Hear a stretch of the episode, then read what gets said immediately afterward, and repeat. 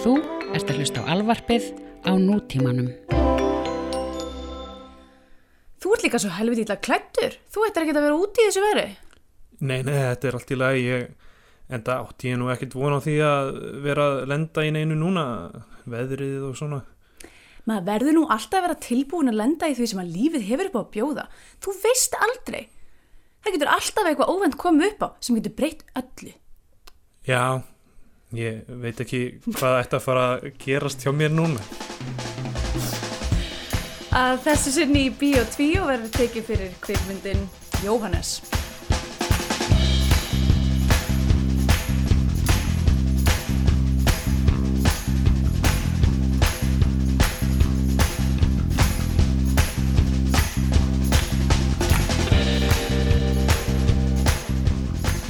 Heil og sæl og við erum velkomin í Bíó 2. Í dag ætlum við að taka fyrir kvikmyndina Jóhannes frá eh, 2009 með Latta í aðalhuturki. Með mér er Steindur Gröðar og sjálf heiti ég Andrea Björk. Sæl Sæl og blessaður. Uh, hvað segir þú gott að þessum fallega degi? Herru, ég segi mjög gott um, ég er búin að vera veikur og uh, Ég líka. já, og ég er líka búin að vera með bólu á nefinu eða þú veist, einhverju gerjun rosalega lengi bara svona, í, Svona, laumubólu. já, svona sem er eiginlega, þú veist, e- undir yfirborðinu hún Já, er bara, nei. hún er, Hún er bara Já, sársökum nákvæmlega. Um, en, klí, klíniska nafnið við það er laumubóla. já, er það, er það namnið það? Uh, ég er ekki læknir, en uh, ok, leikmenn kalla þetta laumubólu. Ok, ok. Ég get Læ, læ, læknar kalla þetta örglega eitthvað annað eitthvað Já, ef þú ert læknir og ert að hlusta, endilega senda okkur hvað eh, klíniska heiti yfir laumubólu er. Já. Okkur þetta er gaman að vita.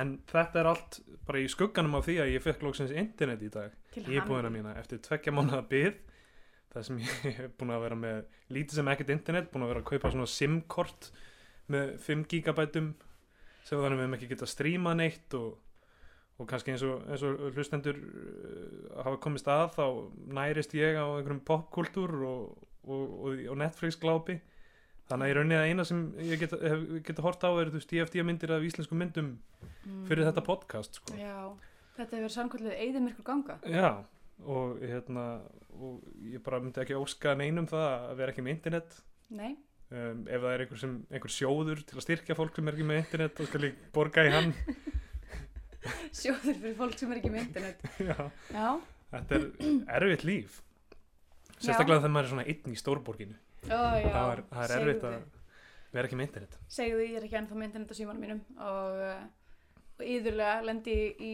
í því í stórborginni að, að, hérna, að það gerist eitthvað. Það er alltaf eitthvað að gerast í a- alltaf, þetta er sankallega suðu potur stórborgin Hverju einasta hotni er eitthvað að gerast. Já, þannig að ef, ef, já, einhver, ef einhverju hlustendur eru að hlusta núna í fyrstu sinna þennan þátt af því að þeir hafa sérstaklega áhuga á kaupmyndin Jóhannes þá sagt, búum við í Berlín og tökum upp þættina það Já, sem setur okkur ákveðna skorður með það að nálgast íslenska kveikmyndir en við förum nú heim um jólinn og tökum gerum grípdeildir í Elko eða eitthvað. Já, er ekki hægt að, er ekki hægt að, er sko. svona, mjög- ég var svona að hugsa hverja væri staðnir það sem að, það sem að var líklegast að finna eitthvað svona gullpott. Og ég held mögulega að það sé hérna markaðurinn í perlunni. Já, já, er, er, jóla, er það jólamarkaður í Berlín Ég Eitthvað. veit það ekki alveg. Ég Mm. verða viðkjörni, ég hef aldrei farið á, jú ég fór einu sinni á markaðinni perlunni. Sko, það verður að segja svo er að markaðinni perlunni hefur staðið sig, þú veist, hann hefur staðið tímans tönn. Af því ég fór einu sinni í markaðinni perlunni, síðast þegar ég fór í markaðinni perlunni, keipti ég Potjet 6 mm, sem að var þá tiltölulega nýlega komin út. Og það ætti kannski að setja smá ramma í kringum hversu lengi Varstu hvaða lögur á Potted 6? Uh, ég man nokkur, það var It's a Beautiful Life með Ace of Base. Já, sem Og- eru bæðu veginn nasistar Já, herðu, Er ég er með sögu er þú með Ég sögu? er með sögu um ég, Af því að ég er með sögu um Ace of Base sem er að fara að toppa þína sögu 100%. Vá, ok, Ok, hvað er? Þetta er eitthvað Ace of Base off hérna Ok, Ace of Base off Ok, jó, jó, jó Hérna er ég að droppa minni Base sögu. Mm Ok, ég fór að kaupa mér reyðhjólum dag, daginn. Uh, Hérna úti Kærastan mín gaf mér reyðhjól í, í Amlaskjöf og ég fór að velja það. Og það er þessi æsti bandaríkjamaður sem er með þessa reyðhjólaveslun rosalega svona manískur og svona gýraður gaur og svona þvíleikur sölumæður og, og þess. Og hann að hann fyrir eitthvað svona að tala um að hann sé eitthvað í tónlistabransanum líka. Hann sé bara að selja reyðhjól sem svona da, dagvinnu. Og hann er með eitthvað stúdíu eitthvað svona. Og fer, fer að segja mér, þú veist, já, þú ert íslenskur já, ok, þú kannski verið í Danmörku Svíþjóð eitthvað svona, ég einmitt vann með Ace of Base. Ég hérna vann, vann með þeim þegar þeir voru að byrja sko. og þetta er alveg satt, sko, ég googlaði hann að gauður hann var alveg eitthvað viðlóðandi Ace of Base og hefur gert tónlist fyrir einhverja kvikmyndir og eitthvað svona hitt og þetta og hann, og ég segi nákvæmlega það sem ég hef heyrt Var það Jan Bang? Nei, þetta var ekki Jan Bang maðurinn sem sem er nei. Frozen ok. Feelings Allt í lagi, ekki Jan Bang. um, Nei, þessi maður hann hérna uh, hafði eitthvað unni fyrir Ace of- Base Mm og uh, ég ber náttúrulega undir, undir hann strax orðróminum að Ace of Base hafi verið nazistar af því að það var sko orðrómurinn að, e, e, að þú veist, The Sign og þessi lög þau séu öll með eitthvað svona Ace of Base Nasistáraður. Já, nazistáraður Og já, og sem sagt, annar þeirra, hvort það var ekki Úlf, um, var í einhverjum svona unga nasista hreyfingu, Já einhvern tímann. Það er til einhverjum myndir af því. og þessi, það sem þessi gaur segir mér eh, hann, segir, hann segir eitthvað ég ætla ekki að verja það að vera nazisti en sem sagt Úlf eða hvað hann heitir hann horfði á bróðu sinn deyja þegar uh, einhver uh, innflytjandi hvort það var eitthvað pakistanskur eða eitthvað stakkan út á götu. Já, já, heyrti þessu. og þetta, þetta hafi verið sem sagt, það sem snér honum til nazisma og, og, og hann var bara ég veit ekki að verja hann gerist nazisti já, því að ég meina þjóðabrót þess að mann skiptir ekki máli. En hérna, þetta sé saga. Og hann hafi verið bara mjög virkur nazisti uh, svona framan af en það hafi svona uh, elst af honum. En tónlistin bjargaði honum. Já, mögulega hafi það verið málið. En það sem hann sagði hins vegar og hann, hann, hérna, hann sagði að hann ætlar að skrifa einhverja tell-all book um, um, um Base og uh, hann, hann kom svo snóður um það í þessu spjalli okkar þessu fáu skipt sem ég hef kom orðum að þá, þá, þá heyrði hann að, ég hefði verið að gera pistla fyrir Rás 1 Mm og hann bara, já, ok, þú hættir að taka viðtal við mig því ég, mun, ég, ég skal bara hérna, segja veist, allt, allt þetta grófa stöf um Ace of Base, ég mun bara gefa þau upp fyrir Íslenska ríkisútvarpi og, uh, og og ég skal segja sagt, í þokkabót frá sögunni um það hvernig þeir arðrændu stelpunar í bandinu Já, Sem það sagt- kemur ekkert óvart. já, gaurarnir tveir í bandinu þeir tóku 40-40 og stelpunar fengu 10-10 Vá. og hann ætla bara að segja þetta allt saman og, og svo sagði hann í lok, að lokum herru, og ok, það getur verið að þú trúir mér ekki og þú ert ekki með þetta staðfest sko, þú ert blaðamaður og eitthvað svona þú, þú verður að hafa þetta staðfest, en það sem ég er tilbúin að gera er að taka og þú- Alright, hefur þú- ég dreg þá fram gamla legamælinn ég og... spurði, hefur það aðgang að legamæli? Og hann sagði, já það er hægt að fara að borga sín í legamæli hérna í einhverju safni eða eitthvað. Þetta er hægt að borga í legamæli hérna í Berlín. Oh, Og hann- og- og, og það sem að, hann, að hann vildi, ég myndi selja rúf konseptið af viðtalin með bara, ég hef það með viðtal við mann sem hann með og ætlar að segja ógslag mikið um það, en hérna er húkurinn. Hann ætlar í legamæli. Og það sé bara, Þessi maður er tilbúin til þess að fara í legamæli. hann er tengdur í legamæli meðan viðtalið á sér stað. En alltaf ég, Ég kann ekki að lesa á legamæli, þannig ég veit ekki hvað hann er að...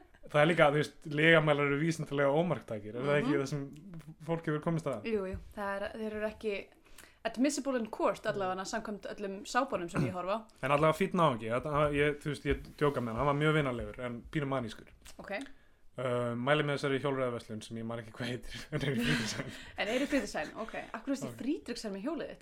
Við, bara við Jón fórum og keftum saman Ah, já, Saman hjól, sko. voruð að kaupa Já. hjólið. Ah, heyrðum að var í góð búð ekki en byrju, ert þú með sögu sem það bara þetta? Eh, nú veit, ok, nú er ég að finna stressu en ég held sko að ég var að vera að vera með bara algjör neglu en þetta er samt sem aður mjög fyndin saga út af því að þetta kannski setur svolítið svona gott að þú segja þína undan af því að mín kannski bætir smá dýft ok, um, fyrir nokkrum árum ef það var ekki 2010 uh, fekk fyrirhundi tengdabáða mín sagt velun frá sænska konginum uh, sem að heita Polar Music Prize.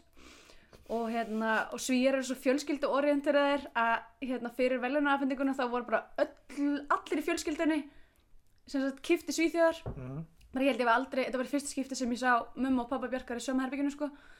Og hérna og við vorum hann öll á Já, þú skautar alveg yfir það að, að fyrir hann tengdamóðin var í Björk. Já, hún, Ok. okay. fyrirhundi tengdum að mín er Björk um, allafana og, uh, og við erum þarna í Svíþjóð og það er eitthvað svona konungleg veisla við fórum að hittum konunginn og prinsessuna og, og, og hérna enga þjálfara manninennar og, um, og bara þetta hele og hérna svo var svona veisla um kvöldi þar sem allir voru að borða saman. Og það var svona mjög vandlega raðað niður að borð.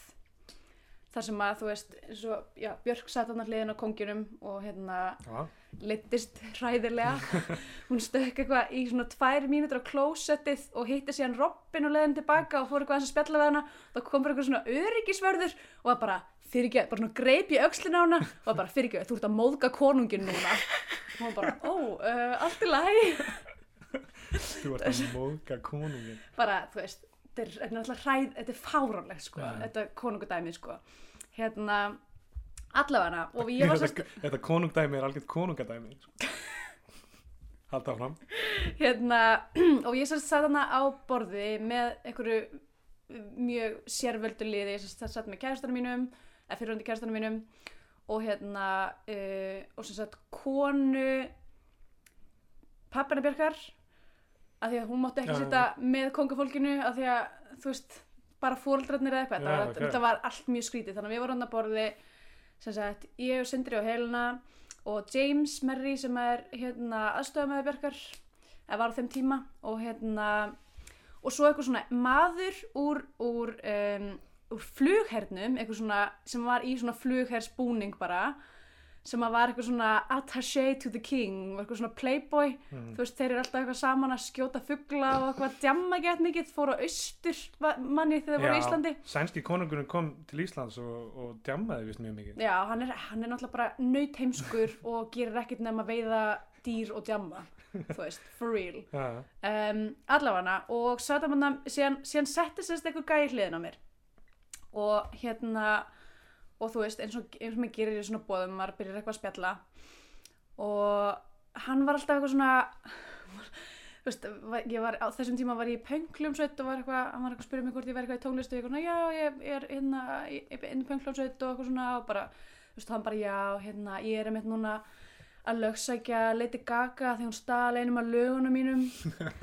Og ég var bara, hmm, ok, já, áhugavert og, og svo held það samtala áfram og ég var eitthvað að tala um að ég hef verið, nýkomin frá Ítali og hann eitthvað, oh, I love to travel. Uh, eitthvað svona, last time I was in Italy I was playing for 40,000 people so I didn't really have time to uh, take in the sights. Æ, og ég svona, held þessu bara áfram og ég var bara, hver er þetta?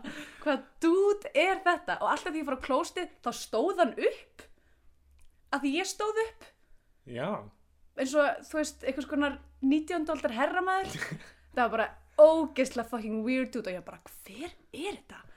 og sko James satt á móti mér og hann var sko að tárast af hlátri hann bara var að reyna að halda inn í hláturinum og gat ekki höndla sig og hann fannst svo fyndið að fylgjast með þessu ok, og ég er sérst búin að sitja þarna og hlusta á hann gæja og horfand og James springa á hlátri og sko það var ekki ég sem að áttaði með þessu heldur sem sagt stjúpamma Sindra fyrir hundi kærastra míns sem að bendi mér á bara eitthvað, þú veist að þetta er Úlf í Ace of Base. Ok, og hún fattaði en ekki þú. já, og James augljóslega fattaði ég var eina mannskjarn við borðið sem held ég hafi ekki fattað það. Var svo vandræðilegt sko. Eða líka bara þessi maður var svo hræðilega svo hann var svo ógeðslega óryggur með sig Já, Já, já, ég meina að vera að útskýra alltaf að hann hefur verið að spila fyrir Já, hann, fullt það var svo, fólki. eins og hann væri svona gett desperate að ég myndi vera bara, ó, vá, en ég var alltaf bara, mm, haha, fyndið, alveg sama. Það er ekki alltaf gott að byrja samtölu á, já, ég er hérna að lögsækja mannesku fyrir uh, eitthvað Já, svona. ekki einhverju mannesku heldur Lady Gaga, og ég var bara, Þetta er, svona, oh. þetta er svona hlutur sem bara established tónlistamenn eða svona styrlað fólk segir. ég held að Ég er að kæra hérna Lady Gaga, hún stað lægi frá mér. ég held að hann sé samt alveg nettruggluð típa, sko. Já, já, ég hann er auðvitað að blanda af hvort þegar. Já, bara alveg, það var bara svo sad eiginlega þegar ég fattaði að það væri bara, vá, ok, þetta er Buddha. Já, Úff, búta. hann er kallaði Buddha. Í alveg, já, Já. því hann er svo sen. eða. Uh, ég mynd, nei, Ok. Nei, allavega Allavega, Úlf í Ace of Base er frekar vandrarlegt slísbag Já. Ace of Base er ekki góðu bókinni hjá Bio2 en það er Bio2 Vogue Já, ok, ég ætla nú samt að segja Ace of Base tónlistin Já, já. er, finnst mér aðeinsleg Ég, The Sign var upp á slagið mitt? Ég meina það var einhver staðar á milli The Sign og hérna Scatman John og uh, ég veit ekki, Rednecks mögulega. Ói, Mér fannst Rednecks- Mér fannst Rednecks besta þú, í heimi. á, varst þú gæinn í félagsmiðstöðinu sem sett alltaf á Cotton Eye Joe? Jep, ég var Oh, nákvæmlega svo gæði. My god, Um, og uh, you come a long way já, ég ætla rétt að vona það. Ég- Að, að, ég meina, smekkur fólks breytist og ég vona að það hefði breyst hins betra fyrir mig. Allavega Herri, já, hérna, um, sko, já, áðurum höldum við lengra því við ætlum að lesa upp, það eru, þetta er annar þátturinn sem við tökum upp eftir að þættinni byrja að byrtast. Mhm. Við tökum alltaf upp dálítið fram í tíman.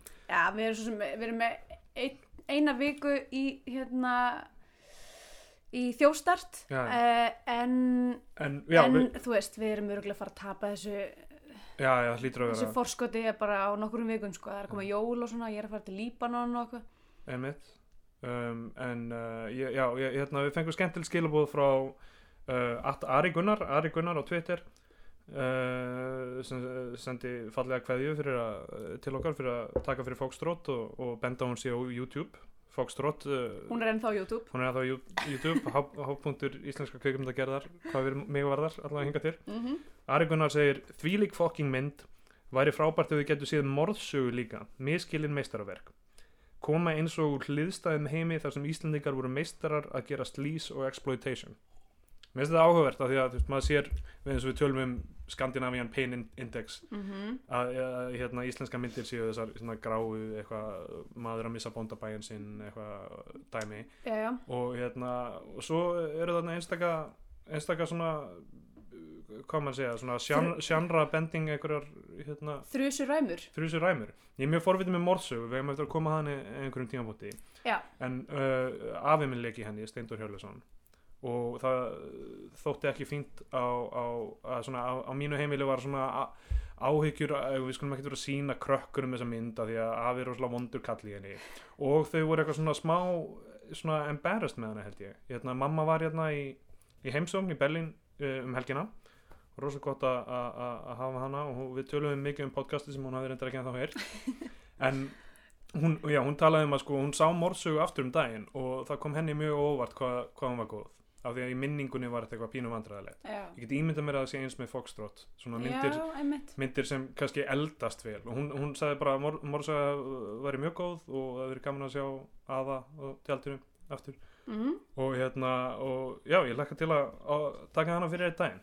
Já, en áður en við förum yfir í að tala um Jóhannes mm. þá er komið að liðnum uh, sögur af ástafleginu Herðu, sem að er stórkostlega viðegandi í þetta sinn af því að Já, höfundurinn er í myndinni Jóhannes. Já, nákvæmlega. Og hérna uh, fyrir þá sem er að hlustuðu ekki á síðasta þátt börn átturinnar og eða þáttinn þá sem sagt af því að Valdimar Flígaring í Foxtrot var uh, kaftininn á ástafleginu raunveruleika þætti á Sirkus 2007 held ég. Sirkus? Já, sjónvarstöðin hétt Sirkus sem síndi þetta. Vá, ég held að það hefur verið að skjá einum. Er nokkuð við sem að það verið Sirkus. Um, Ok, en hérna og alveg viss. Já, ég, ég skal bara googla það með nýja internetinu mínu. Um, En alltaf Haukur Valdimar Pálsson hann uh, félagi okkar sem uh, hérna var á ástafleginu sem tökumæður og hann er líka einmitt bæði ekki bara aukaleikari í Jóhannes heldur líka, líka sér um, sér um props Já. Propsmestari Já. hann var á sirkus. Ok, ég um, greinilega man ekki Ég var ekki með þessu stöð held ég hörglu og Haukur sendi okkur uh, ferðadagbókina sína og hafði skrifað smá úrdrátturinni og ég ætla að klára að lesa úrdráttin og svo sjáum við, sko, af því að við höfum ekki ennþá fengið nefn viðbröðu við þessum lið, kannski finnst fólk hann óþólandi en uh, endilega tweetið til okkar ef þið viljið heyra fleiri Sögur á eh, ástafleginu af af því við erum með hérna einhverjar uh, wow, 29 blaðsíður eða eitthvað að texta um ástafleginu ég ætla að klára að lesa úrdráttin og Haukur skrifar Þegar þáttarauðin gekk í sjónvarpinu hittist hópurinn oft og horfði saman á ósköpin sem var erfitt þar sem mikið var um svik, sorgir og trúnó og fólk játandi einhver plott og hugsanir í kameru. Það var samt jákvætt ferli að horfa saman á þættina og drekja sorgunum áfram í saminningu. Svo var slegið upp einhverjum partjum á Astro, þar sem skipverjar átt að baða sig í skamfenginni fræðsinni og haugur nafni vann með áskeri Kolbens að einhverjum Circus TV djamþáttum. Ég á brota því á spólu og þetta er kyrfilega dagsett strípu góðæri stækskargerð, allt eitt orð, vel útilátið af hárgeli, Bacardi Bríser og bekkjabrungum. Svo kom að loka þetta ástafleysins í desember 2005, já ok, þetta er, þetta er svona snemma, ok, desember 2005 og þegar hópurum var farin að fjallægast, áhorfið var lítið og flestir fannir að sjá jætvel eftir öllu saman og spurningin um endalókin orðin kníjandi. Okkar á milli var hávar krafa um einhvern vinning eða útskýringu um hvað við vorum eiginlega að gera í þessu ferli. Það var talað um leitina ástinni, fljótandi ástartilraun og einhver loðin hugtök en ólíkt flestum veruleika þáttum var aldrei neinn skýr gulrót sem við áttum að eldast, bara hvaða par myndi ná saman eða þannig og það var orðið vandræðilegt. Við hittumst í seinast sinn í beinni útsendingu upp í Linkhálsi og kaftinninn, Valdimur Lígarinn, talaði við okkur öll. Ég hafði stungið upp á við mína vinkonu að þykjast vera saman til að vinna vinningin. Öll hinn kærutspörun virtust hætt saman uh, að við heldum. Það kom í ljós að fleiri höfðu sömu hugmynd og einhver hafði jættil spurt fleiri en eitt hvort þau þetta þykjast vera saman til að vinna. Það var flett ofan af einhverju slíku og myndaði slæmur fílingur í salnum. Ég fór að svitna því við skötuhjóinu vorum ekki spurð út í hjúskaparstöðuna og ég vonaði að það erði ekki af því. Svo bauð kafteinn flýgaring parinu sem virtist ennvera saman vinningin sem var ekkert annað en trúlofunarhingur frá einhverjum guldsmið. Við dóum öllur vandræðilegheitum. Flestir höfðu vonast eftir utanlandsferðið eða einhverju. Eins og á ráðstefnu Elrond var spennan rafmögnuð og enginn vildi taka við hringnum. Sko þetta er stílinn sem ferðadagbókin er í að mestuleiti er þessi háflegi þessi einhverja Lord of the Rings vísanir eða eitthvað. Um, allavega hann klárar. Kaftininn glemdi að spyrja okkur út í ástarmálin og ætlaði að kveðja en annar skipveri sem hafi verið með minni vinkonu áður en hann var kosin frá borði kom spurningin að okkur í blá endan rétt á hann að kreitildustinn rúlaði það var fátum svör Á sjónarskjám þeirra fá áhörunda sem ennlögð á sig að fylgjast með þessari grísku tragedíu mátti sjá skipbrot ástafleysins og skipursmenn reyndu að róa sem fyrst frá þessu flaki á þess að vekja sér frekari aðtegli. Fæst okkar viðurkenna að fyrra bræði að hafa stíð um borð.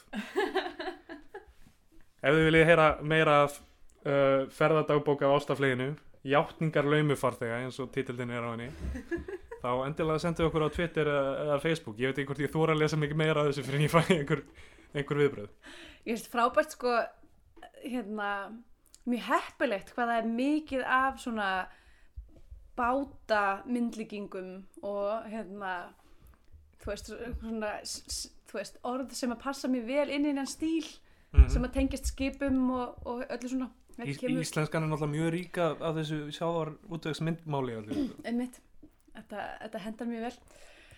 Uh, já, oh boy. Það fara að tala um ég Jóhannes. alveg bara, ég hef með kjánarhald niður í tær. Nú, bara þetta er svo, ég get ekki ímyndað mér. Nei, er þetta að tala um ástaflegin? já, ég er að tala um ástafleið bara, Já, en ég ætlaði að reyna að segva yfir í að tala um, um Jóhannes. og gerðu þitt besta. Já, ég, ég gerði mitt allra besta. Herru, ég horfði á hana í, í fyrir dag já, og uh, uh, það sem ég vissi ekki fyrir en ég byrjaði að horfa var að Jóhannes er byggð á bók mhm. eftir Helga Ingólfsson. hver er Helgi Ingólfsson? Helgi Ingólfsson var sögukennarinn minn í MR já, og uh, mjög skemmtilegu kennari og hérna hann var uh, helsta ástæðan þess að ég fór að læra sagfræði í Háskóla Íslands. Já, að ég hefði svo gaman að sögu hjá hann ok.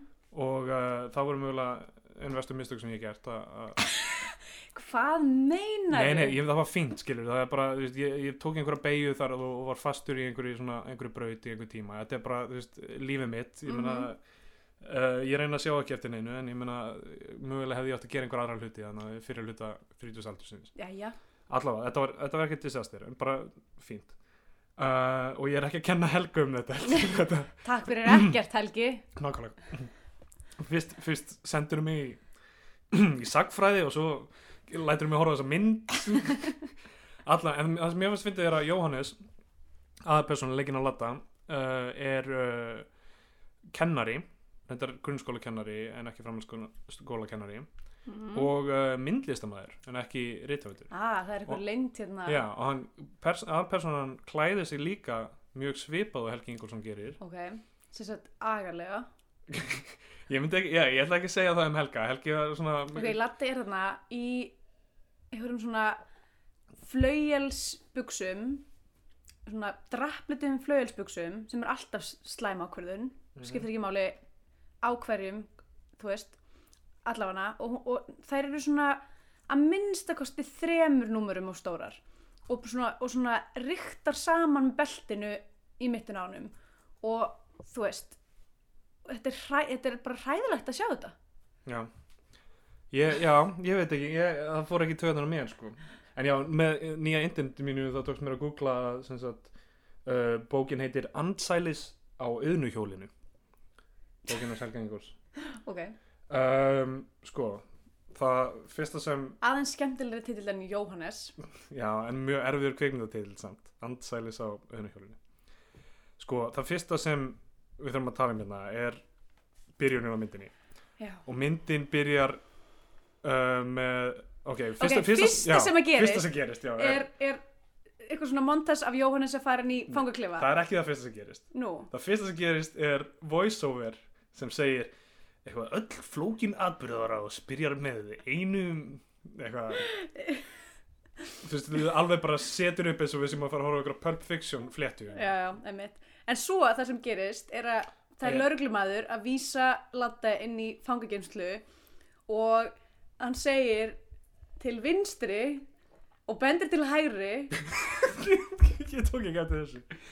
Og mér finnst það bara svolítið setja tónin fyrir þessa mynd. Að um, sko, það sem gerir síðan er að það tekur við eitthvað svona klámynda atbyrðara það, uh, ég ætla að segja Helgi Ingóls en, en það er Latti Latti sem leikur Jóhannes. Stoppa, er að keira frá Keflavík til Reykjavíkur. Stoppa bílinn til að hjálpa uh, konu sem er í bílamandræðum. Svo kon, kona er Unnur Byrna Viljánsdóttir já, um, hann býð síðan til að guttla niður hann tekst ekki að laga bílinn. Þau fara heim til hennar. Hún býður hann minna því hann er gegn blöytur á regningu og svo kemur eitthvað svona og fyrst byrður hann um te.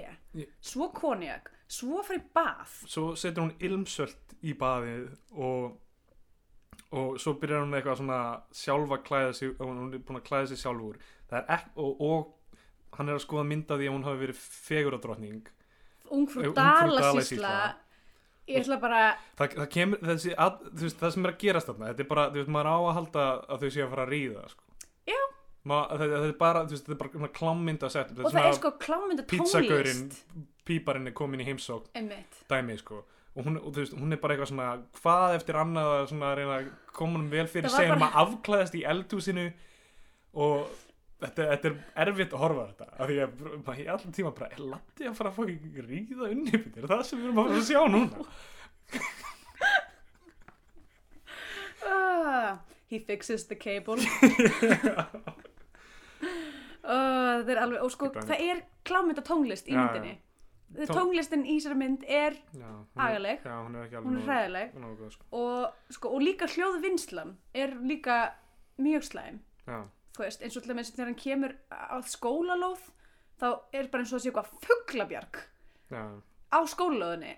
Það er búið að greinilega sko það eru svona þrjá rásir af börnum að leika sér á hverjanari og þú veist, þetta er bara maður heyrir ekki neitt og maður er eitthvað ok, ég hef unnið í skóla þetta er ekki svona, Mhm. sorry og ég fór, skoðaði þess að hérna, listan, það eru sko þrýr fólíartistar og fimm í hljóðvinnslu sem Já. eru kryddaði fyrir þessa mynd mögulega bara share the blame sko. Já, mögulega bara too many cooks in the kitchen, sko. þetta var alveg bara, mér finnst það erfitt að hlusta á þetta, sko. Já, um, sko ég vil tala aðeins meira um þetta klámyndatrið sko. það eru fleiri hlutir okay? þú veist, það er líka, ok, hún þarf að skipta um föt skipta, þú veist, bara svona slip into something more comfortable Já, já. svo byður hún hann um að opna krukku sem er bara eitthvað eitthvað svona elsta triksi í bókinni til að sína eitthvað svona konan er veiklind eitthvað hvað kallmanninum svo, svo losar hún svona um hárið og hristir það og svo end, sko, endar það þannig að Latti er í baði að stara á nærfötinu hennar og Latti fær standpínu. Af því að horfa á nærföt. Að horfa á nærfötin hennar. Nú, ok, ég nefnilega sko, ég var, ég var ekki viss, ég var að veikjuna, ég var svona, ok, uh, kannski veit, þú veist, ég tel mig vita alveg nokkuð mikið um gagginneið uh, og bara kynneið og þú veist, og hvernig, hvernig standpínur virka. Ég er alveg orðin það gömul að ég er svona, þú veist, ég skil alveg, ég, ég fatt alveg upp á ákvörumarki hvað kemur mönnum til. Um, ég er bara að segja en ég var samt bara eitthvað, ok, Getur þú listað það upp eða? Ég, ég gæti gert það en, ég kannski er er en svo var ég bara eitthvað, ok kannski er ég næf að halda að það þurfi eitthvað aðeins meira en, en nærföt sem hanga til þerris til þess að koma manni til. Þannig ég spurði kærasta minn og hann var bara hann var bara, nei, það, hvað meinaru? Hann náttúrulega, verðt að nefna hann var hann, hann sem sagt dreif inn í myndina svona fimm mínútur. Eftir svona fimm mínútur af myndinni þá sett hann að segja hér tóla bara, ég get ekki. Ég vil, ég vil fá alltaf komment, einhver svona kvót frá Jóni þegar hann gefst upp á myndum sem við erum að horfa hann er, hann er miklu sínískari gagvart, gagvart íslenski kveikmyndagerðin en en hann horfði að Foxtrot, ég horfði á hann aftur um daginn og- Horfði á hana aftur? já, þess að því hann var að horfa á hana, Já. þannig að ég horfði á hana með honum og honum fannst hún bara mjög góð Já, þannig að aftur Hann bara, við getum ekki hægt að tala um Foxtrot. Já, einmitt. En hérna, og ég, ég sett, ég sest, eftir fimm minútur þá gafst Jón upp Mhm. og snýri sér á hinn hliðina og fór að gera eitthvað annað. Og Það fróa sér yfir nærfötum. já, við erum að fróa sér yfir, yfir, yfir þvotti. Það er það sem er að gerast. Hann er að fróa sér yfir þvotti. Allavega. ok, hann, að, hún er til vartar, það fróa hann sér ekki. Hann er að sprauta standfýruna niður með köldu vatni. Já, sem er enn skrýtnara. Ok, Þú veist, ég veit, nú, en again, veit ég ekki allt um standbínur, en þú veist, er ekki fljótlega bara að losa við hana með því að fá það heldur en að vera eitthvað hana þú veist frekar við að hann myndi bara fróa sér í baðinu þannig til að það hefði verið svona fyrir, fyrir kallmann það hefði verið svona rétt ákvörðun að taka í þessari senu. Nú ætla ég ekki að, ég veit ekki. Hefði það var þú sem sagðist vita mikið um kynni Nei, ég segi, ég, ég er búin að setja marga varnagla. Ég er búin að setja marga varnagla um þetta. En allavega, á mínútu 13, ég get bara sínt þetta hérna já, já, uh, Þá þurfti ég að fá mitt fyrsta vinglas. Ok Og svo mínútu 35, annað vinglas Og mínútu 56, þriða vinglasið ok, þannig að þetta er bara ómartækt það sem þú ert að fara að segja því Alls ekki? blindfull. Nei, nei, nei, nei, nei, ég bara, þú veist, þurfti einhvern veginn að kópa. Þetta var það erfitt. En já, er, já unnubinna það eru basically allir að perrast yfir henni alla myndina. Já, sem sagt, mér sem sko áður en að öll þessi atbyrður með baðið byrjar þá er hún að skipta um föt. Og hann er eitthvað að horfa á hana í classic, eitthvað svona, horfir í speilin og sér henni í svefnarbyggið já. moment. Og það sem hann er bara eitthvað heldur bara fyrir að horfa því hann er augljóslega perri sem að rungar sér við þvotti. Ok, ég sko, ok, þetta unnubinna er náttúrulega kannski, ek- ég veit ekki hversu mikið annað hún hefur leikið og allt það. En uh, veist, það er augljóslega valið þetta hlutverk ekki, veist, út, út frá því að hún, hún er established kynþokkafull kona. Hún, er, hún hefur verið krýndfa með einhverju alþjóðleiri viðurkenningu. Og, hérna, og þess vegna er hún hana og, það, og Mhm. mér finnst að ég veit ekki, ég er ekki að segja unnubunna er ekki, ekki að leika eininu, alls ekki. Þú veist, af því að veist, það er fullt af fólki sem er ekki le leiklista lært og, og, og, samt kemur rosalega vel út úr, úr kvikmyndum og þetta er eina sem ég segja ný þannig ég er ekki að segja hún ekki að leika eininu en að hún sé valin í þetta hlutverk finnst mér Mér segja það þetta bara, við mér finnst það bara, mér bara endurspegla að þú veist, fólki sem gerir þessa mynd er líka perrar. Já, ok, það, já, ég menna já, það, þú veist, ég ætla ekki að ganga svo langt en, en, hérna, en, en ég segja það, þú veist, hún er valin af því að, þú veist, áhrandin á strax að fatta að þetta er kynþokkafull kona, við erum öll sammála um það Já, og það er greinilega ekki að finna mentaði leikonu sem er líka kynþokkafull. Nei, nákvæmlega. En allavega, ég hérna, e- ekkert heita unnibyrnu eða eitthvað fyrir að Mér finnst þetta samt alveg rosalega pyrrandi. Bara, ok, við veljum hérna leikara með fullta reynslu. Allir leikararnir eru með, eru svona, þeir sem eru allavega með speaking roles, eru, Mhm. þú veist, mentaði leikarar og með mikla reynslu. Af hverju, af hverju Já, já, gengur þetta ekki við konur? algjörlega. Ég, ég myndi segja, ég hef séð þetta í öðrum, öðrum kveikmyndum og þú veist, það eru, sko, sko, konur, konur það, veist, það er alveg bitastæð hlutur fyrir konur í, í íslensku kveikmyndum en bara sem dæmi þessar fjórar sem við erum búin að horfa á núna að, uh, kona hefur ekki verið protagonist í neittni þeirra sko, ekki verið í Nei.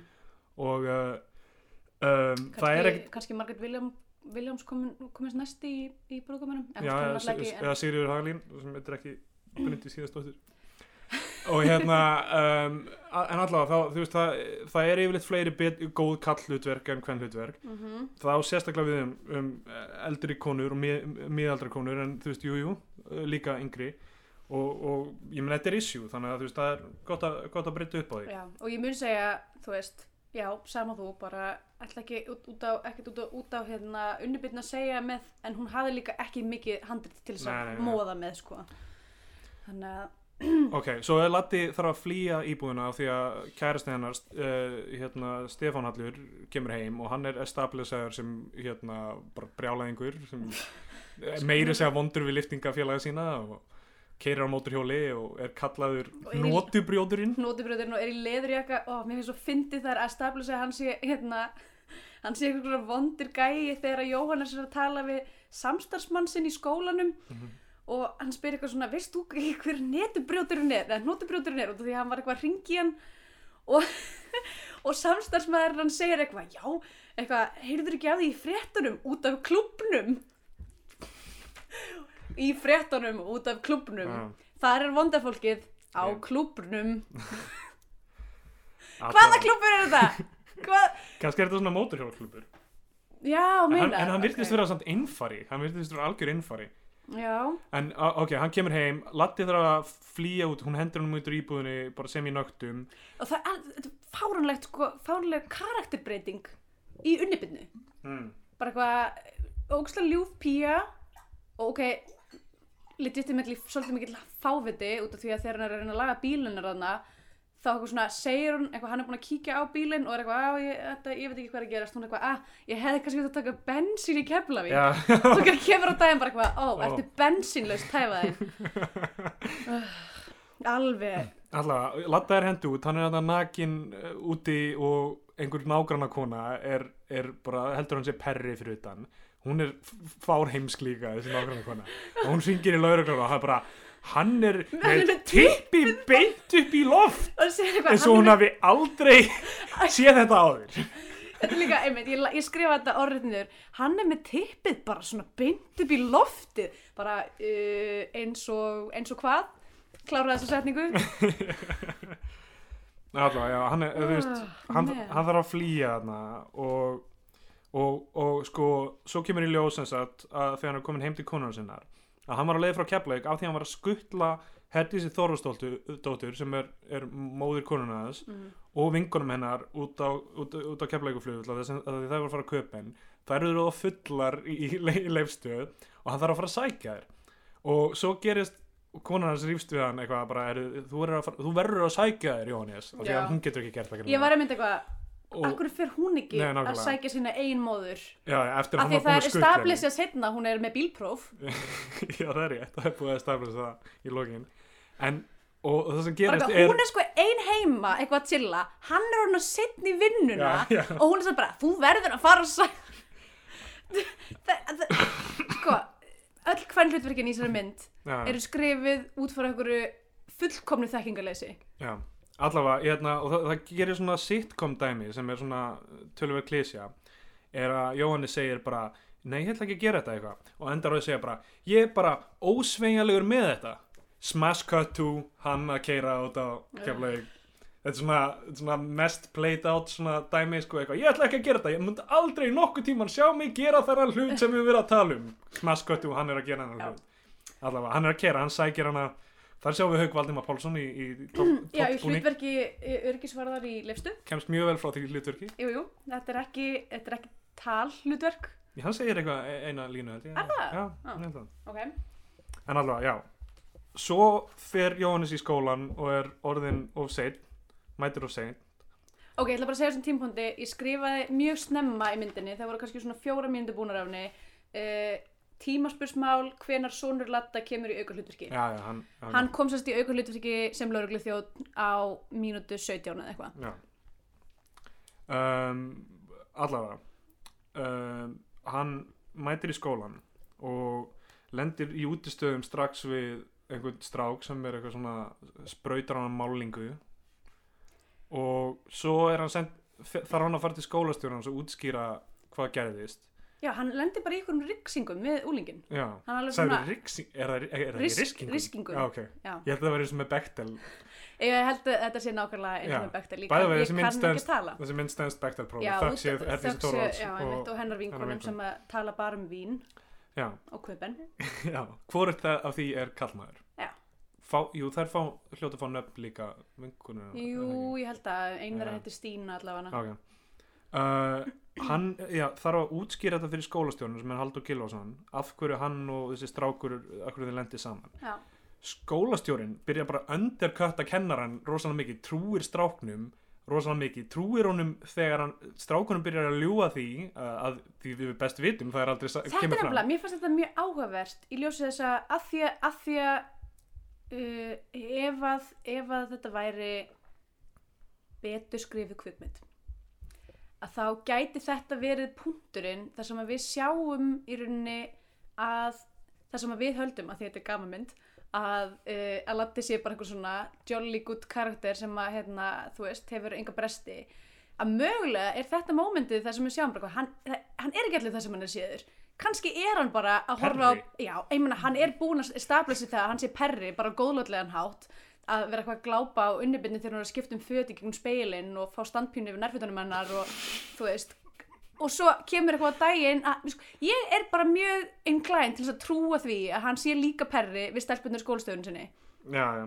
Það, strákurinn sakar hann um það að, að, að stara á brjóstin á grunnskólastelfum en og og, ég eitthvað svona, og nutta um bakið. Ég get bara sagt ykkur það að ég var með svona kennar í grunnskóla. Já, þannig að mér finnst þetta bara ekkert ólíklegt. Allavega það skauta yfir þetta og Haldur Gilvason sem skólastjórinn bara tekur algjörlega afstöðu með, með krakkanum og, byð, og þú veist, byður hann um að fara ekki með þetta lengra, það er hans lausn á þessu máli Já, bara, bara- hann trúir því að Jóhannes er perri en hann ætlar ekki að gera neitt í því. Sem er, mér finnst bara mjög svona íslenskur realismi. Já, það var, það var hræðilegt atriði. En, bara, en speill á okkar samfélag. Og, bara rosalega ljótt allt saman. Líka tókst eftir því að skólastjórun er mynd af sjálfum sér innramaða vegnum Já, ég tók eftir því, það var mjög gott það var gott höfð Já. um, að hann er, uh, Jóhannes er síðan að tala við hérna, Ellerta Ingemyndason er, er, er leikur kennara, annar kennara. Mm. og Jóhannes er með hann blett á skiptunum sinni. Og Ellert segir þú lítur út eins og Palestínu Arabi eftir sjálfsmorðsárás. Oh, þetta var hræðilegt samtal. Þetta samtal var Oh. aðeins, þetta er samtal sem við tala um hnotubrjóðin. Og uh, í, það er ekkert mikið um þetta að segja. Mér finnst þetta ljótt. Ef þetta átt að vera að fyndið þá er þetta, þú veist, uh, það lítur að hafa verið einhver betri leið til að skrifa þessa held þessi, þessi, kvikmynd, þessi kvikmynd segir mér svolítið mikið um svona heimsmynd hvítra miðaldra Íslendinga af, Mm. af karlkynnstegundinni Já, þetta, það er, já, það eru nokkri næst, næstíð hlutir svona.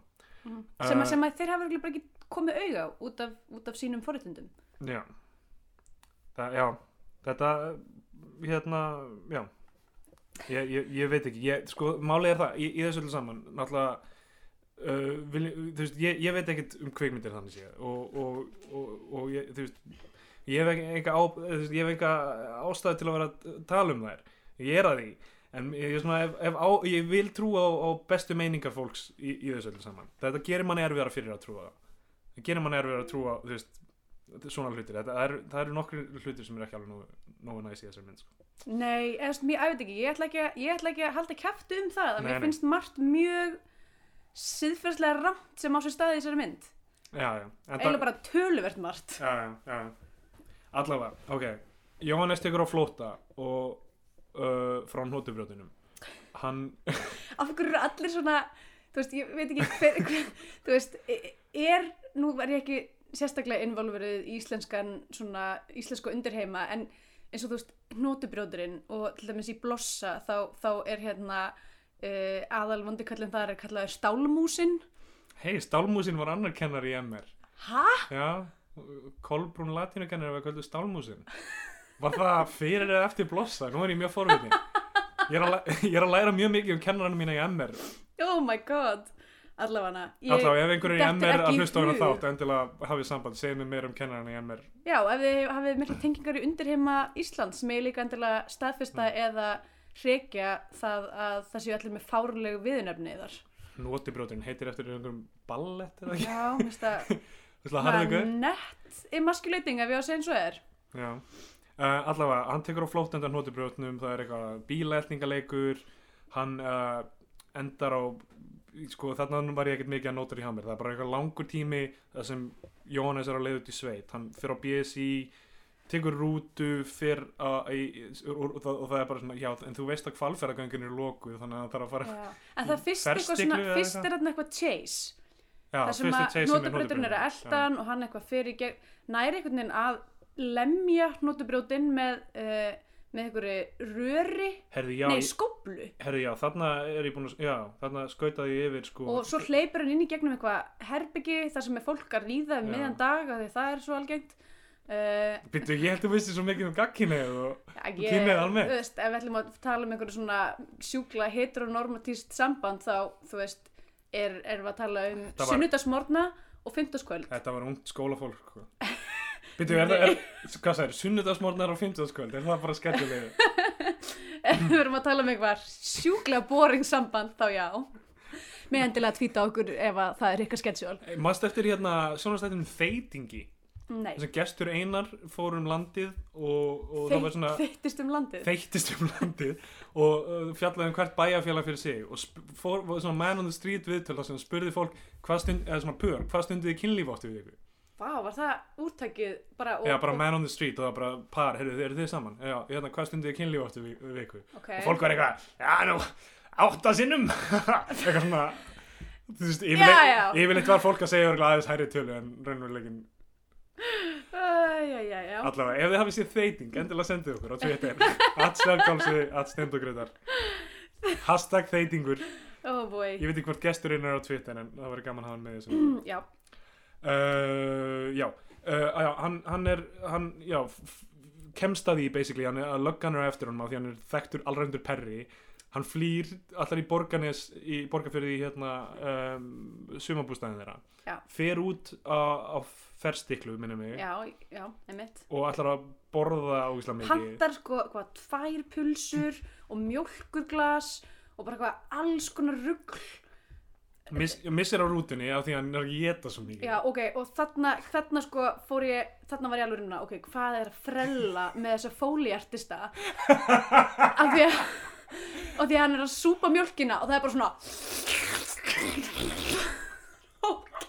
ógæðsleg ljóð. Þessi þrýr fóliartistar hafa verið saman. Þeir hafa verið bara verið í kasti eitthvað. Það, er eins og hann sé sko að sjúa eitur úr sári. Að, þú veist, að drekka þannig að þetta er ógislegt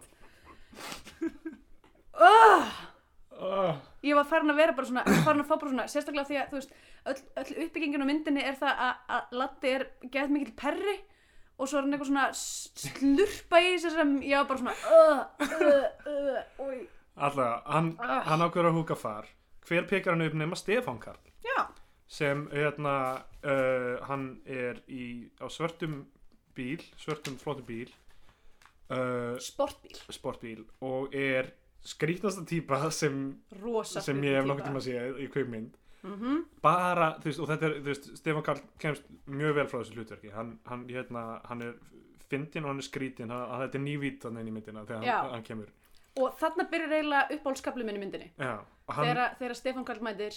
Það kemur í ljós, ok að hann er að smikla eitulifjum frá Reykjavík til Akureyrar. Já, og það sko, þetta er mjög skrítið, hann er svona skuttlar hann upp að afleikjarnum sumbústarum og eitthvað hluta vegna er Latti bara eitthvað, heyrðu, viltu ekki bara kíkja inn í eitt kaffibólta og þetta, kaffibólta og þetta er í annað skipti þetta er sérst sama plot device tvísvar í myndinni sem að mér persónulega finnst alveg outrageously ólíklegt að maður bjóði einhverju random mannesku inn til sín sem maður er búin að þekkja í mm, svona hálftíma. Þú ert alltaf sinikal þú, Myndið þú gera þetta? Ég, ég meina, ég bara Myndið þú bjóða einhverjum heimtíðin og verð sem bara, herðu, ég ætla bara að skipta um föt og hérna fá þig konjak og bara, fólk hvaðan af úr samfélaginu er velkomin á mitt heimili í kaffi eða, eða horfa með mér á íslenska kvikmynd. Bara, þetta er bara opið invitation hérna. Ok, allavega, ég var ekkert, sérstaklega, Nei, ok, sérstaklega eitthvað svona í, í ykkur sumabústaða hverfi, bara hvað, þú veist, ekkert hver sem maður er, það bjóð honum inn til, það var líka s- smá eins og hann var að reyna með hann. Já, þetta var, einmitt, viltu þetta kannski svona, koma inn ég ætlaði bara að laga kaffi. Einmitt, eitthvað, hann er eitthvað, uh, hann er alveg, Stefán Karl er alveg svona, um, já, já, Já.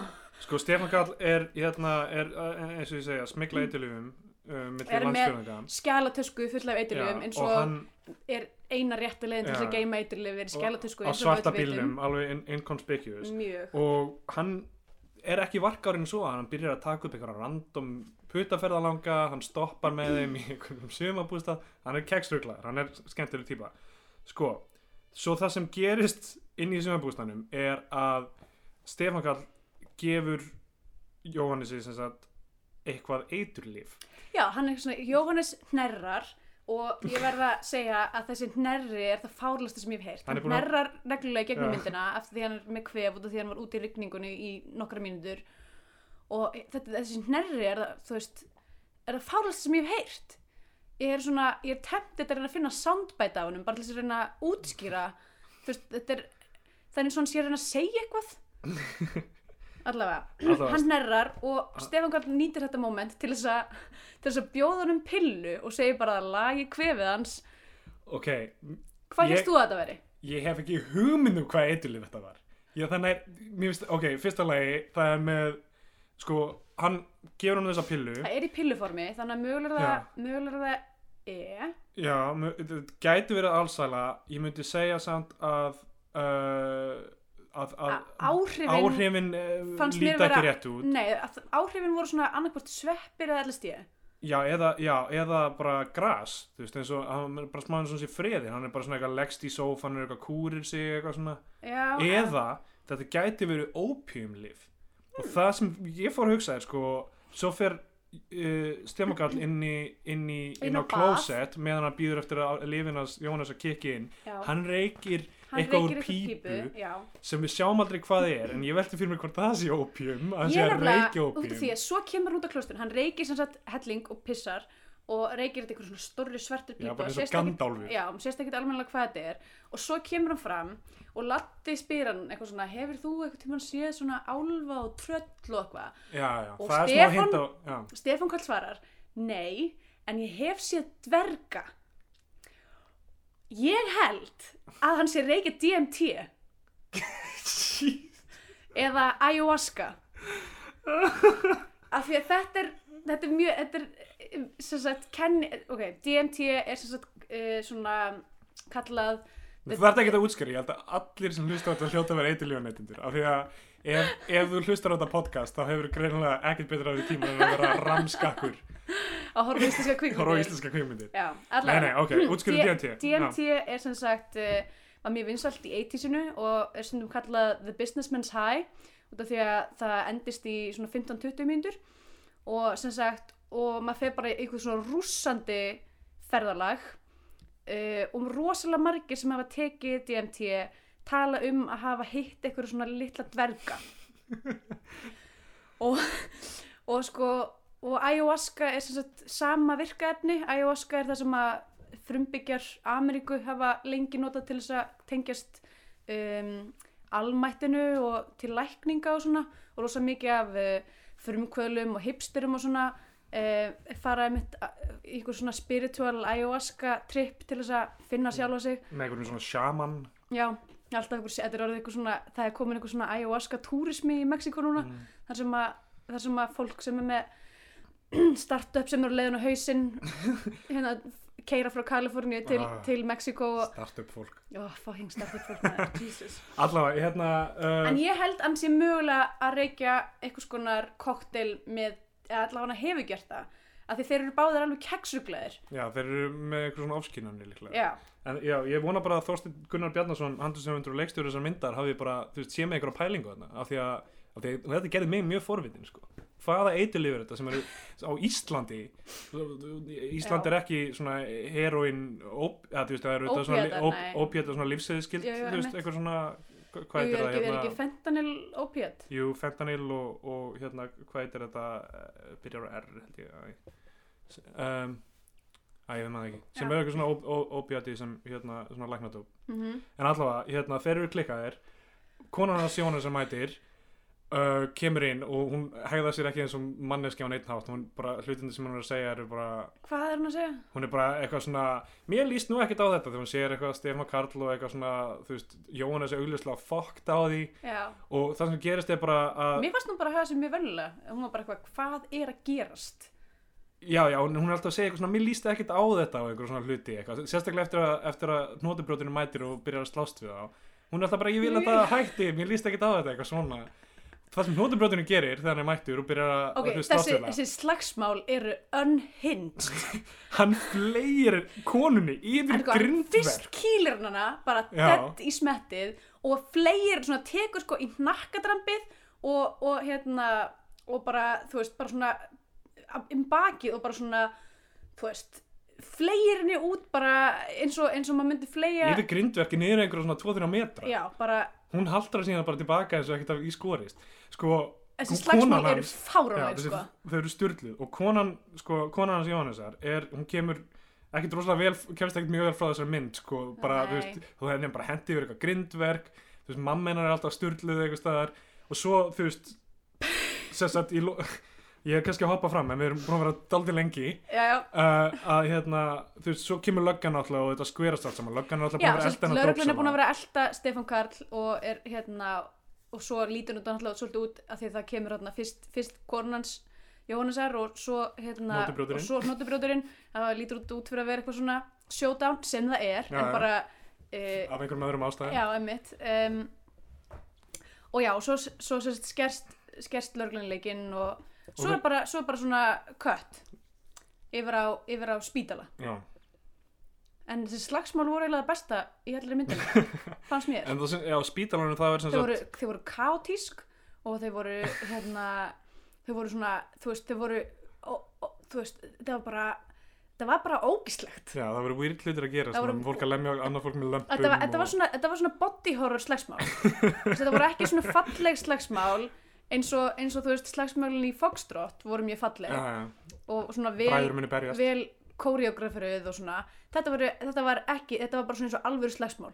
Þú veist, fólk er bara eitthvað að reyna að hitta eitthvað staðar og býta og bara, þú veist, þetta er bara svona oh, Já, þetta var fjör. fóru, fóru, já. Klippum yfir á spítalan, unnubitna er að hjúkra hnótubrjóðunum og fer síðan frá honum. ok, hann- ég þarf makleg að taka smá moment til þess að ræða þetta samband þeirra Eitthvað abusive samband. abusive, já. hræðilegt samband en ég samt sko ég veit, ég veit að þetta er bara því að karakterinu unnubinnar er illa skrifaðir en hún er eins og hún sé ykkur síkopati Mm, eitthvað svona næs í nokkra mínútur og svo trillist hún já. þannig að hún kannski getur ekki haldið niður betri kærasta en hnútubröðin Nei, mögulega já, allir fá það sem er að skilið út úr þessari mynd. Uh, við, já, svo klippum við yfir í að Jóhannes er, við erum komin á byrjunarreit, hann er inn í fangelsinu, hann, hann er með sleppt út í Mhm.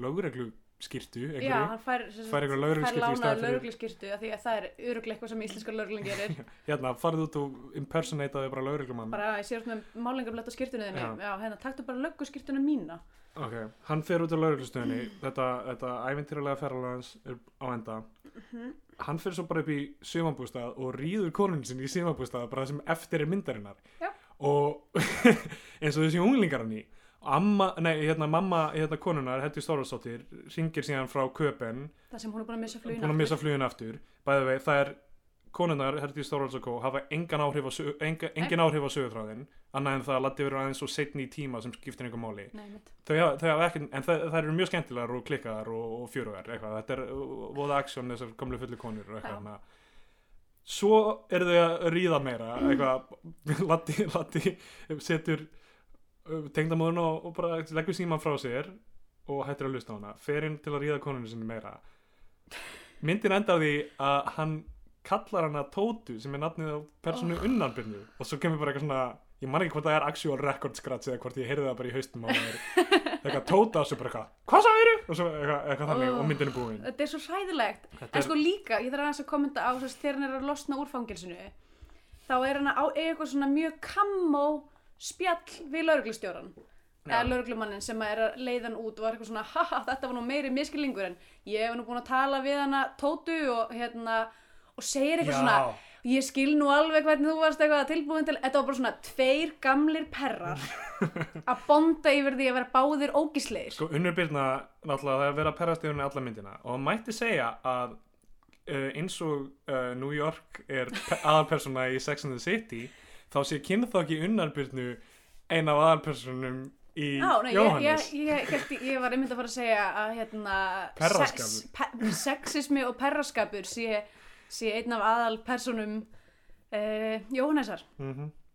það er, já, það er New York borg þessara myndar Algjörlega, er, er bara ógiðisháttur já Það eru Skandinavian Penindex, getum við farið út í það núna?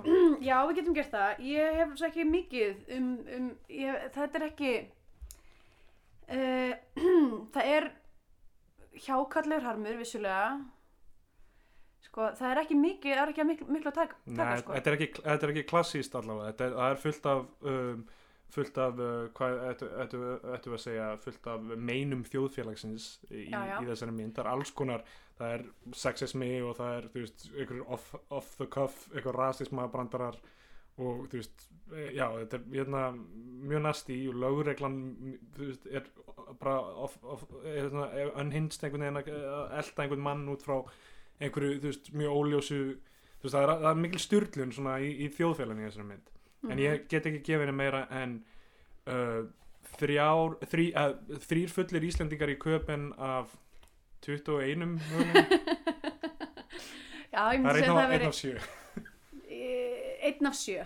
Einn, einn fullur íslendingur Nei, ég verð að segja þrýra það voru Já, þrjár. þrýr, þrýr af 21 Já, þrýr af 21 Já um, Ég er thoroughly bara tóm hvað var þar Scandinavian Pain í þessari mynd sko. Bara ég verð að segja að þetta er já, einn af fimm mögulegum þunglindum myndlistakennurum Já, algjörlega Þetta, að það, væri að, það væri hægt að byggja miklu meira harm í, í einhverjum svona ónýtum ferli wannabe myndlistamanns sem er að kenna einhverjum hræðilegum gerpum mm uh, fjarvít það er bara þegar ég segi þetta það er meira harmur í því þegar ég segi þetta en var í myndinni. Já, hann var að kenna um, um já, hérna, fjárvít og uh, svona Horizon hvað kallar það? Kallar já, uh, hérna vantage point ég kann eiginlega ekki að Nei, nei, ég, ég læriði mikið um myndlist og, á þessum, einu já. ég get svo svara, það var sko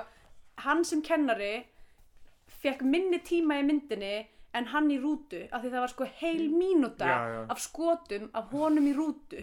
Og það var ekki tal, það var bara hann í rútu og svo rútan og svo hann í rútunni aðeins að dotta og svo rútan aftur Já, og svo hann í rútunni að vakna og svo rútan aftur Hún misti þetta aldrei skrið þarna þar til Stefán Karl og sko. hún er ekki nema 75 mínútur Já. og hún hefði geta verið svona 25 mínútur Fjarbaugur heitir það Allavega uh, Þá er komið að því að við annarkvort uh, gefum myndinni það að hún eigi heima á flaggskipi íslenska kvikmynda þá fær hún íslenska fánan uh, eða að uh, hlustendur og aðrir uh, gerðu betur með því að horfa bara á einhverja Hollywood vellu og þá fær hún bandaríska bjánan Hvað Já. segirðu um það? um, uh, þessi mynd að hún var erfið áhorfs ég gat ekki komist í gegnum hana án þess að drekka þrjá fjórðu úr vínflösku 75 mínútur á 75 mínútum og uh, eina sem að mér fannst þú veist, bara kaplinn sem að Stefán kallar í var skemmtilegur og ég mæli með því ef einhver myndi bara, bara klippa hana niður klippa hana niður í 20 mínútur og þú veist, þá kannski myndi, myndi hún vera þessi virði. Uh, og definitely þetta bara þessi bardaða sérna mm. Bar, bar, slagsmála sérna kannski betra orð uh, er stórfengleg. Uh, en hún er ekki góð. Þetta er ekki góð mynd og ég myndi frekar horfa á einhverja bandaríska dellu, Einhver sérstök sem þú mæli með? Ný, svona nýleg. Já, bara hvað sem er. Uh, hvað er svona nýleg búin að horfa á?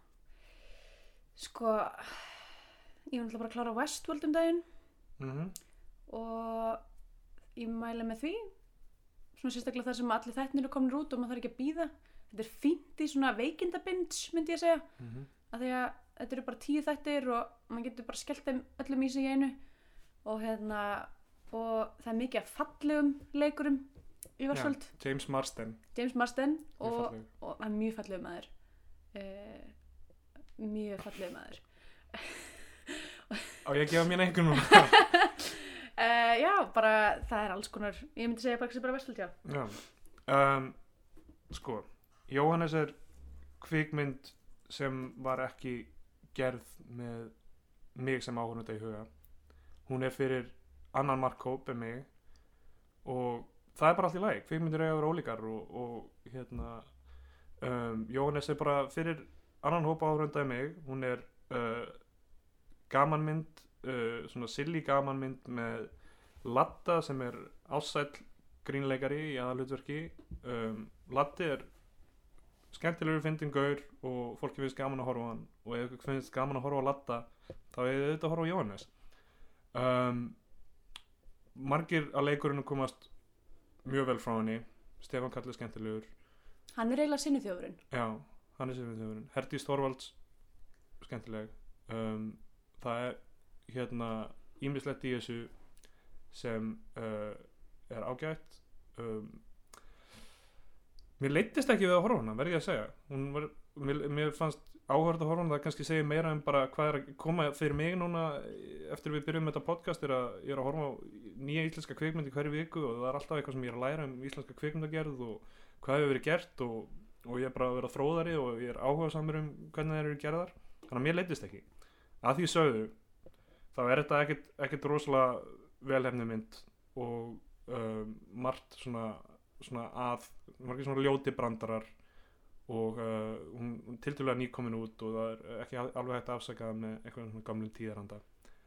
Og ég verð því meður að gefa henni þá minn fyrsta bandaríska bjána og ég myndi mæla með því af því ég hef ekki ennþá talað um hana hérna að, og mun ekki að tala um hana aftur af því ég hef mikið á henni Gremlins 2 The New Batch já, er uh, sem er einn af þessum fáu tvistum sem að fólki finnst aktúalt betri. Já, sömu fyrsta. hún er, hún er talsvöld öðruvið sem Gremlins 1 og hún er alveg svona skopstæling á framhaldsmyndum mm. og uh, hún á sérstaklega vel við núna af því að uh, aðalpers uh, nei, vondikallin í henni heitir Daniel Klamp og rekur sinn business út úr Klamp Tower. Og myndin gerist allir í Klamp Tower. Já, þetta er bara Donald Trump. Og myndin, Ok. já, var byggður á Donald Trump nema hann er svona meira likeable og fjörugur, fjörugur típa en Donald Trump. Og hérna er og það hægt við erum vók þáttur en við höldum með Trump. Þannig nei, við gerum það ekki. Gremlins 2 mæli með henni. Ok, ok, þar er umræðum um Jóhannes lokið. Yes. Eitthvað sem þú vilt segja á lokum? Um, ég myndi samt horfa á hana sko Jóhannes? Já, það bara, veist, það er ekki það ég að horfa hana bara hún á ekki heima á flagskipi íslenska kveikmynda eins og við settum þetta upp. Það, veist, það, er, það væri ósangjart að setja hana þar en það, það er fínt að horfa hana. Ef, ef ykkur finnst til dæmis gaman að horfa á kvikmyndir eins og The Room eða eitthvað þannig sko að veist, ef við fáið eitthvað út úr því? Það, úf, ég já, það er er mjög erfitt að segja það um íslenska er, kvikmyndagerðar auðvitað, er hún ekki þannig Og bara veist og við erum að skjóta inn á fólíartistana og, og handritið og allt það, það er mikil vinna lögðu auðvitað í þessa mynd og þó hún sé ekki nógu, velhefnið þá bara þú veist það er fullt af örgulega mjög fínu fólki sem koma henni. Mjög ósagjart Já, já. að tengja það við brjálaða listamannin Tommy Wiseau og myndina við svo skemmtilegt við þetta podcast er hvernig við erum svona kontrapunktar að hvort annað. Já, við erum svo ólík. Við erum búin að vera sammála með eiginlega allt er hræðilegt Það þarf að skipta mér út held ég. Fá, ég veit ekki, Jón, Jón, Jón kærastuðin er nei, hann myndi aldrei lifa í gegnum heila mynd. Já, nei, mitt þannig að, nei, ég er bara að segja að þú veist, þú ert einna, tilbúin til þess að afsaka allt og ég er Já, já. mjög ósýrlífina því ég hef svo sem enga hagsmuna að gæta. Uh, Nei, en ég er fólk nú- er aldrei neitt vinna með mér þannig að ég, ég er nú svo sem ekki mikil hagsmun að geta annað annað en að hérna, kannski svona ættin, ættin mín já, ég verð ekki einhver svartur sauður og fólk sé eitthvað já, ok, fólk sem er að vinna með mömmu sé, hug- hugsi bara, já, ok, það er sonur þinn sem er að sem er að tala illum tala illa um okkur. Nei, ég veit, þrjára á fjórum myndum uh, hafa lenda á flagskip í ég íslenska segja, ég myndi segja að það er bara freka jákvæð. Já, algjörlega, allavega, bara can't win them all. Al- algjörlega, ég vissum að uh, næsta mynd uh, frá, frá þessum kvikmyndagerðamönnum verður betri, öruglega betri, Ma, maður lifir og lærir algjörlega og að að því þeim orðum eru já, sendið okkur endilega eitthvað uh, við erum búin að fá mjög skemmtileg skilabóð frá því að fyrsti þátturinn og annar á Foxtrot þátturinn aðalega kom út. Sendið okkur á Twitter eru með einhverja óskamyndir eða eru með komment á það myndir sem fjallaðum eða einhverja almenna pælingar um íslenska kvikmyndagerð eða Gremlins 2 eða já, um, eða já, þá bara eða, eða hérna Ace of Base Ace of eða- Base, endilega, ef þið, hérna, ef þið viljið, ég get komið ykkur í tengsl við þennan mann en ég er at Steindor Gretar á Twitter. Og ég er að Svepgalsi og þið getur nota hashtagið biotvíó eða, eða Facebook síðan okkar sem er facebook.com skástrík biotvíó. Um, já, endilega hafið samband. Takk fyrir okkur, já, bye. Bless